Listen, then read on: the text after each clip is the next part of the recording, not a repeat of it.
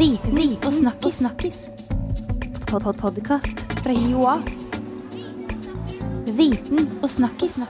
Velkommen til en ny episode av podkasten Viten pluss snakkis. I dag skal vi snakke om eldre og ernæring. Og eh, Anniken, hei, du sitter bak spakene i dag òg. Hei, hei. Vi har med oss eh, to spennende gjester. Ellisiv Lærum Jacobsen, hei. Hei, Du er stipendiat Ja. på Institutt for fysioterapi. det stemmer. Og du sitter nå og, og jobber med dette temaet her. Ja, eh, vi har sendt inn første artikkel nå, og eh, holder på med nummer to. Så det går unna. Ja. Og så har vi tatt med veilederen din, Ja. Asta By. Du er førsteamanuensis og bakgrunn som klinisk ernæringsfysiolog. Mm. Mhm. Det stemmer. Ja. Hyggelig at dere ville komme. Vi hører ofte i media om dette her med, med eh, kosthold og, og eldre, at institusjonene har elendig kosthold. Stemmer det? Det er klart at media har jo generelt, tenker jeg da, en tendens til å fremstille ting med litt sånn store overskrifter og store bokstaver. Så det, det er nok én del av det. Um, men, men før jeg egentlig går inn og svarer sånn veldig konkret på det, så vil jeg også si det at det er veldig mange som gjør veldig, veldig mye bra. Eh, og dessverre så kommer ikke det alltid så tydelig frem. Så jeg tenker sånn som eh, Det var jo nå i Gjøvik for, eh, for ikke så lenge siden. Så var det et sykehjem som flyttet på altså middagen. Bare forskjøv den. Jeg tror det var to timer utpå ettermiddagen. Eh, og da fant jo det at pasientene gikk opp i vekt. Så det var jo mange som gikk opp fra 39 kilo til, til 50 kilo da, i løpet av relativt kort tid. Bare pga. timingen. Ja. Altså rett og slett at det var lengre avstand mellom måltidene. Og så fikk man inn litt ekstra på kvelden, sånn at det ikke ble så lang nattfaste. da. Man eh, hadde et jevnt energiinntak. Så, men eh, ja. eh, Ja, jeg, jeg, vel- jeg kan jeg får si noe til det. fordi at jeg, var, mm, jeg var Denne uka her så var jeg på Skedsmokorset. Det er De har sånn storkjøkken der. Og jeg har hatt en del sånn samarbeid med, med han som er sjef der, som er kostøkonom. Eh, og han eh, fortalte at de har også gjort det samme. De Ja. har eh, endra spisestedene. Sånn at nå får de eldre da frokost, og så får de lunsj. Og så får de middag, og så får de kvelds. Og det betyr jo at de får fire faste måltider. Så, Og det mm, er de veldig, veldig fornøyd med, både dem og de eldre. Så det, og det skjer masse, altså. ja, ja da, absolutt. Så, det, så jeg er veldig enig i det du sier, at så som det ser ut i media, der alt er bare elendighet, sånn, sånn er det egentlig ikke. Nei. Det er jo godt å høre. Ja da. Men, men selvfølgelig, det er klart um, Det er jo um, altså det, det, er, det er jo veldig trist når, når du leser om det. Sant? Når du leser om at pasienter sulter i hjel når de er innlagt på norske institusjoner, enten det er sykehus eller, eller sykehjem. Eh, så det er klart vi har jo en jobb å gjøre for at det ikke skal skje i det hele tatt. Det skal det jo ikke. Så det tenker jeg er viktig uh, i tiden fremover, da. Men, men du, bare litt på det med, med tidspunkt. For jeg, i, når jeg, jeg husker når jeg gikk på videregående, så hadde jeg en sånn liten sånn sommerjobb på en, en institusjon. Og stussa alltid over hvorfor skal middagen være så tidlig. Jeg har jo alltid spist middag sånn fem-seks-tiden sjøl. Hvorfor skal de eldre spise middag så tidlig? Og så oppdager plutselig at mine egne besteforeldre sitter og spiser middag sånn i ett-to-tiden òg. Er det kultur, eller har det med alder å gjøre? Jeg tror nok at det har eh, med flere ting å gjøre. Eh, Det har nok vært som du sier, altså at man spiser middag på, i tolvtida. Altså det er jo ikke uvanlig. Har vært før. Og, men, og, men, og i mange andre land så er det fremdeles sånn. Eh, men så er det også noe når man kommer til institusjoner, så skjer det jo et eh, vaktskifte på ettermiddagen. og da er det jo litt vanskelig å skal begynne å, å servere middag midt i vaktskiftet. Og det har vel vært en av de tingene som har vært um, grunnen til at man har hatt problem med å endre de her tidene. Det at man faktisk har det her vaktskiftet. Du kan ikke endre vaktskiftet, du må endre middagen i stedet. Det, det har nok vært sånn, og jeg, jeg tror det også er betinget litt ettersom at eh, det er flere på dagvakt, da. Mm. Ja. Eh, sånn at det har vært den, rett og slett sånn som Asta sier, den timingen, da. Eh, men nå er det jo flere som begynner å gå litt mer bort fra det, da. Eh, har man jo sett.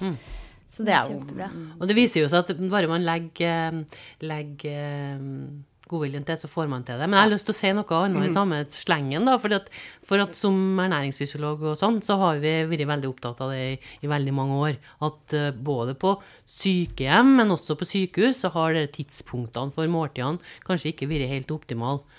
Uh, og, og, jeg har jobba mye med kreftpasienter, og jeg var veldig knytta til Radiumhospitalet. Og Radiumhospitalet var jo i sin tid en litt sånn foregangsinstitusjon, for de la middagen på ettermiddagen.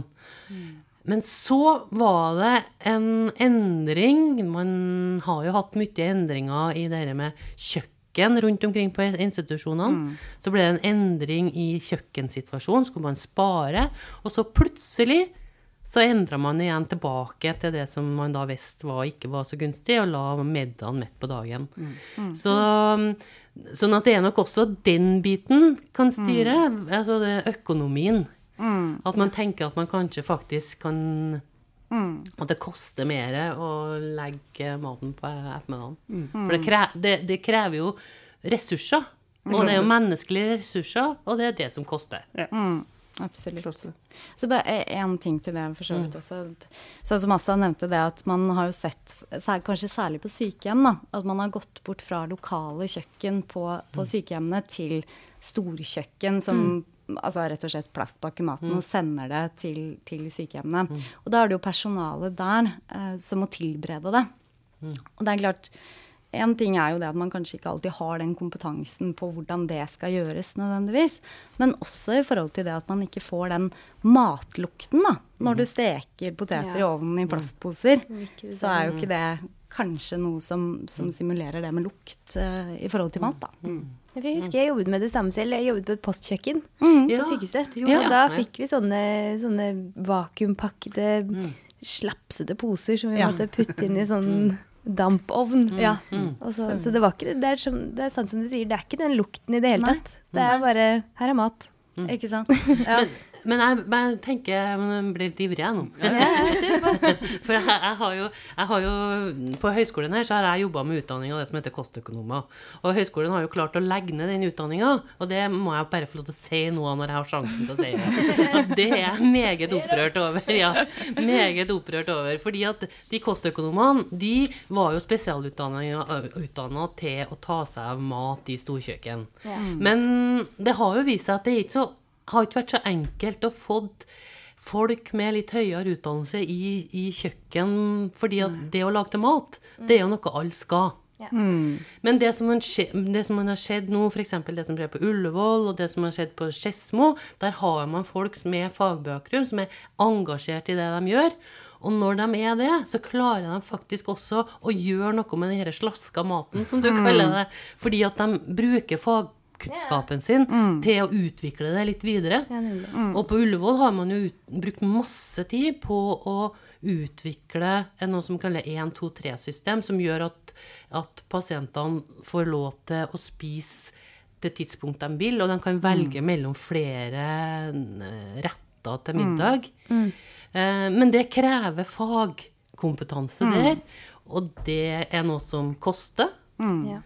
Og, og, maten er det første man sparer på når det skal spares. Og det, det er så trist, for ja, det, er så viktig for å være glad. Ja.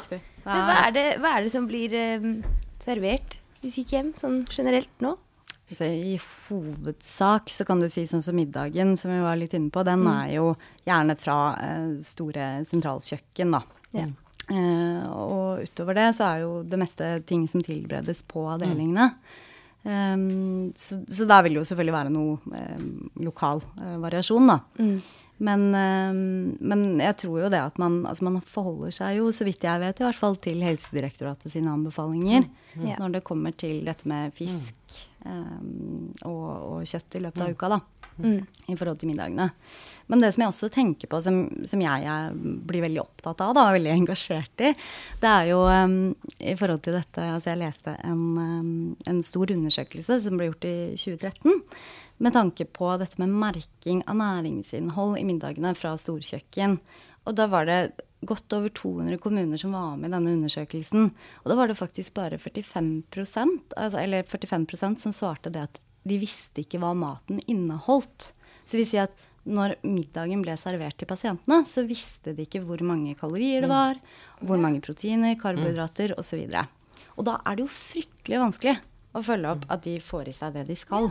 Veldig. Mm. Så det, det, er jo den Og da vil jeg igjen spørre at da er det jo så viktig at de som jobber med ja. maten, har fagkompetanse. At det ikke er noen tilfeldige. Nei. Fordi at det, det, mm. vi ser, er jo at der de har fagkompetanse, så, så gjør de beregninger. Nettopp. Og da vet de også hva det inneholder. Mm. Um, ja, så det Absolutt, altså. Ja. Det tror jeg. Så, men, men, jeg tror det at man um, man, man, gjør, altså Både sykehjemmene og sykehusene gjør så godt de kan ut av de budsjettene og de, altså, de, strukturelle tingene som ligger til rette. Det tror jeg de gjør, altså.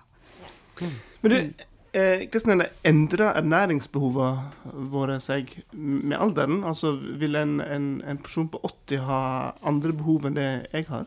Nei, altså, du kan si det, det er både ja og nei på det spørsmålet. Fordi altså, når vi har gjerne fylt rundt 70 år, så, så, har det skjedd en del ting i kroppen. Altså, vi har gjerne fått mindre muskulatur, og så har vi fått mer fett.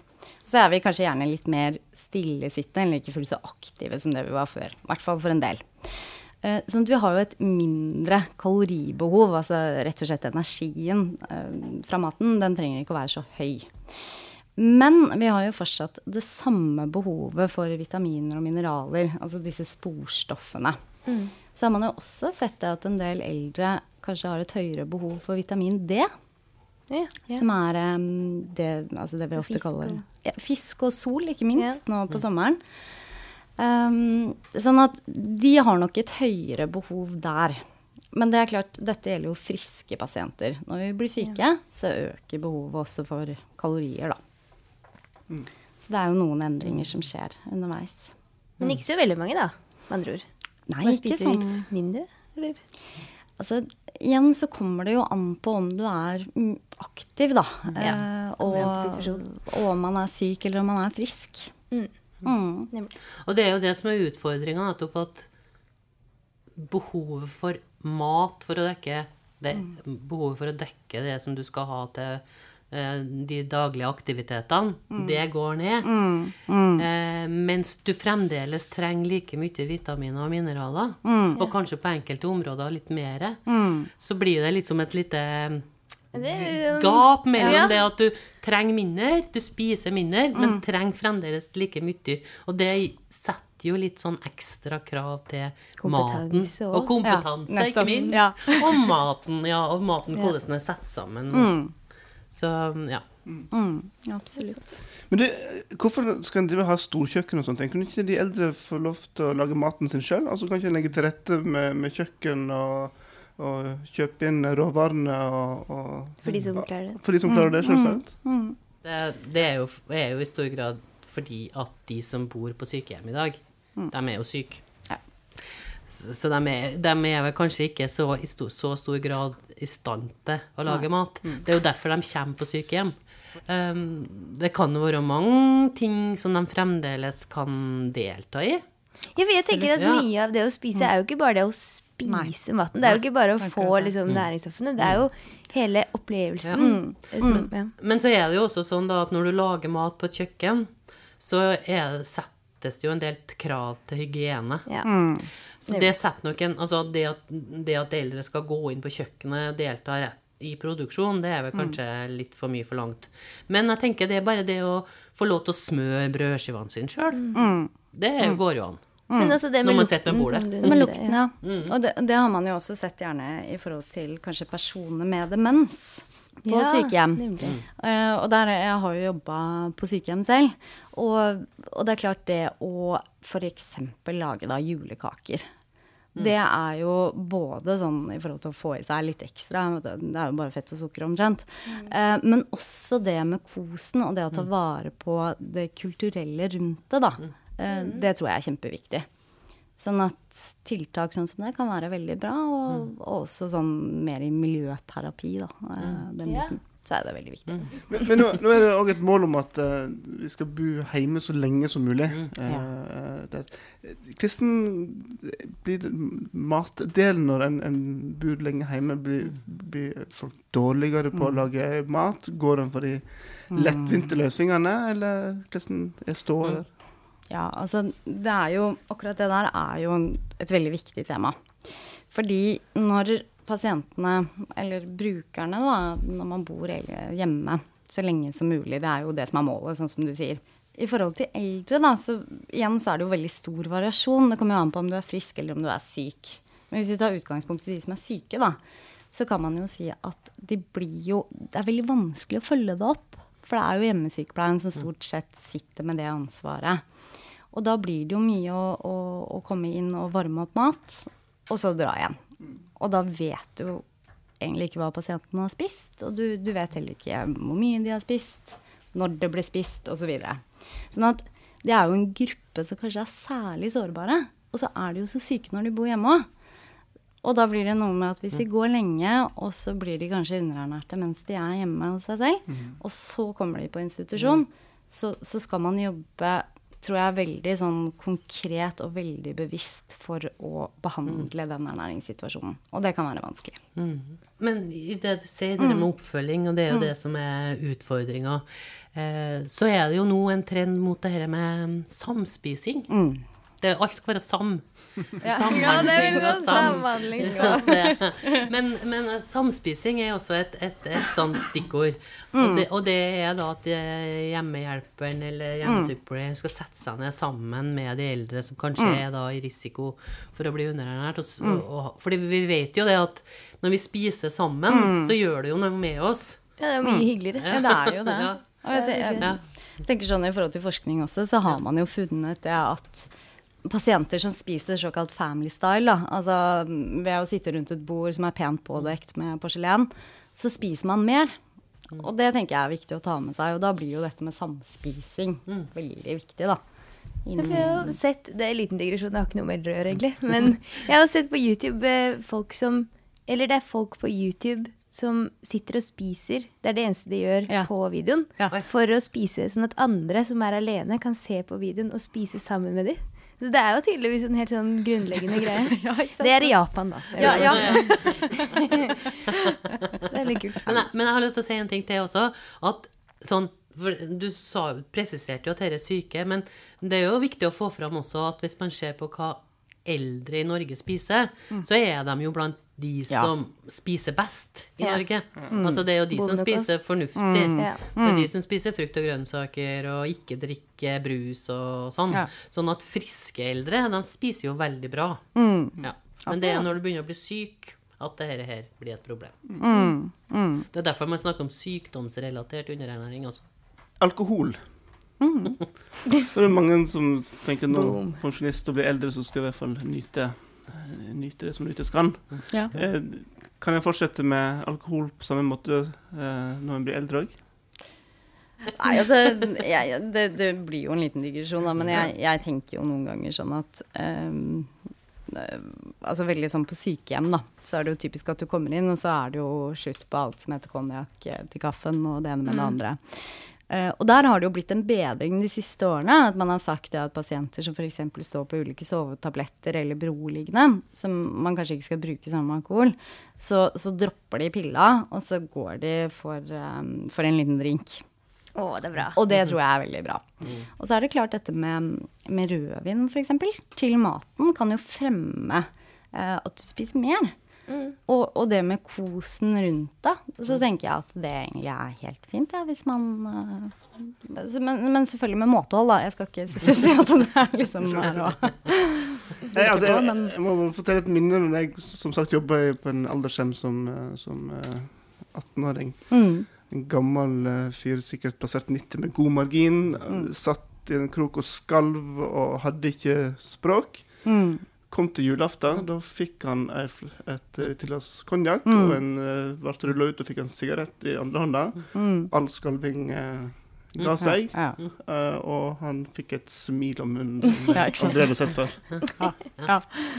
Og det er jo noe med å ikke fjerne alle de tingene også, når man mm. kommer på en institusjon som gammel. Altså, det kan jo bli fryktelig, fryktelig stusslig, tenker jeg, da. Mm. Så, så, det tror jeg er kjempeviktig, at man, man legger inn det som kos, da. Mm. I tillegg så inneholder jo nei, alkohol en del kalorier, da. uh, men helt til slutt, Elisiv og, og, Asta. Hvis dere nå skulle få lov til å bygge opp den eh, perfekte institusjonen fra bunnen av med uvante ressurser Hva ville dere gjort da? Hvordan ser den perfekte aldersheimen ut uh, for dere med tanke på uh, det vi snakker om i dag? Men jeg, det jeg tenker altså nå, jeg, nå, nå, kan jeg jo ikke så mye om, um, pleiesida, for det mm. kan jo du noe mm. om. Eh, men jeg tenker at det, med, for matsida så tenker jeg at det er viktig at det er en uh, spisesal. Altså mm. som er hyggelig, og som innbyr til at man eh, kan sette seg ned og ha måltider. Og, mm. at det er, uh, og at det er nok personale i i, i måltidssituasjonen, sånn at de kan følge opp de enkelte. For det er jo noen som må mates, f.eks. Og så kan det hende at det er noen som må skjermes. Altså det er ikke bestandig at det er like hyggelig å sitte sammen med noen som søler, f.eks. Eh, sånn at man kan følge opp de enkelte. Og så tenker jeg at det er viktig at, eh, at det er en fagkompetanse på, på kjøkkenet som eh, vet at det har en betydning hva slags mat man serverer, og som tenker ernæring samtidig som at de også tenker økonomi.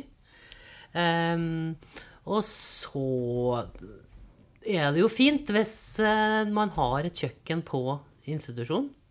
Fordi at uh, det er noe annet med en, fleksibilitet, en annen mm. fleksibilitet som ligger i det, enn at du skal få alt sammen fra et, et eh, kjøkken langt unna. Mm. Det er jo faktisk sånn at sykehuset, det nye sykehuset i Østfold, i Fredrikstad, faktisk ikke har et kjøkken. Mm. Har de det? Nei. Det er skremmende. De får jo fra sentralkjøkken. Og, det, og, og, og da, da, det gjør jo noe med mat man kan servere. Mm. Og, da tenker jeg i hvert fall de som skal bo på en institusjon, det er jo deres hjem. Ja, det så det, blir jo Det går sikkert an for noen som skal være inn to dager for å fikse et eller annet. Men mm. for de som skal bo på et, en institusjon, det er hjemmet deres, Mm. Der må det kanskje være litt andre krav som stilles til maten òg. Ja. ja det, og jeg, altså jeg, er veldig enig i det, i det du sier, Asta. Men jeg, jeg, tenker også litt på det her med å um, For dette er jo nå selvfølgelig uten at vi tenker noe på økonomi, ikke sant. Ja. Mm. Uh, det at man da signaliserer dette med god tid. At man har som enten man har sykepleier eller hjelpepleier eller ufaglært, at man har god tid i måltidssituasjonen. At det er ikke noe sånn stress. Um, og også dette med ønskekost, altså at pasientene mm. kan velge selv hva de vil ha. Og da er det klart at noen steder har man jo det at man kan velge mellom fiskeretter, kjøttretter og kanskje vegetar. Men å tilpasse det da til den enkelte pasient, det tror jeg også er kjempeviktig. Mm. Og ikke minst når de vil ha mat. For det er ikke alle som er sultne til mm. måltidene. Og at de da, hvis du har eget kjøkken, da, sånn som Asta sier, så kan de jo bare bestille det. Si at nå trenger vi litt mat opp på det og det rommet. Og det tror jeg hadde gjort mye med fleksibiliteten. Så det dere sier, den perfekte måten å gjøre dette på, er å ha gode, trygge rammer for det mm. du skal ete. Mm. mm. Mm. Nok personale. Mm. Fagkompetanse. Mm. Eh, dere gjentatt mange ganger. Ja, kjøkken på hver institusjon. Ja. Ingen heim uten kjøkken. Nei. God tid og få lov til å ete når den sjøl vil. Ja. Da spiller vi den ballen videre til de som bestemmer. Ja. Og så sier vi tusen takk, Ellisiv og Asta. Veldig hyggelig at dere ville komme. For meg. Takk for meg. Og eh, takk til deg som hørte på denne episoden av Viten pluss snakkis. Husk at du kan faktisk abonnere på neste episode. Gå inn i podkastspilleren din, trykk på abonner, og vips, så får du en ny episode snart. Ha en fin dag. Ha det bra. Viten og snakkis. snakkis. Pod -pod Podkast fra Joa. Viten og snakkis. snakkis.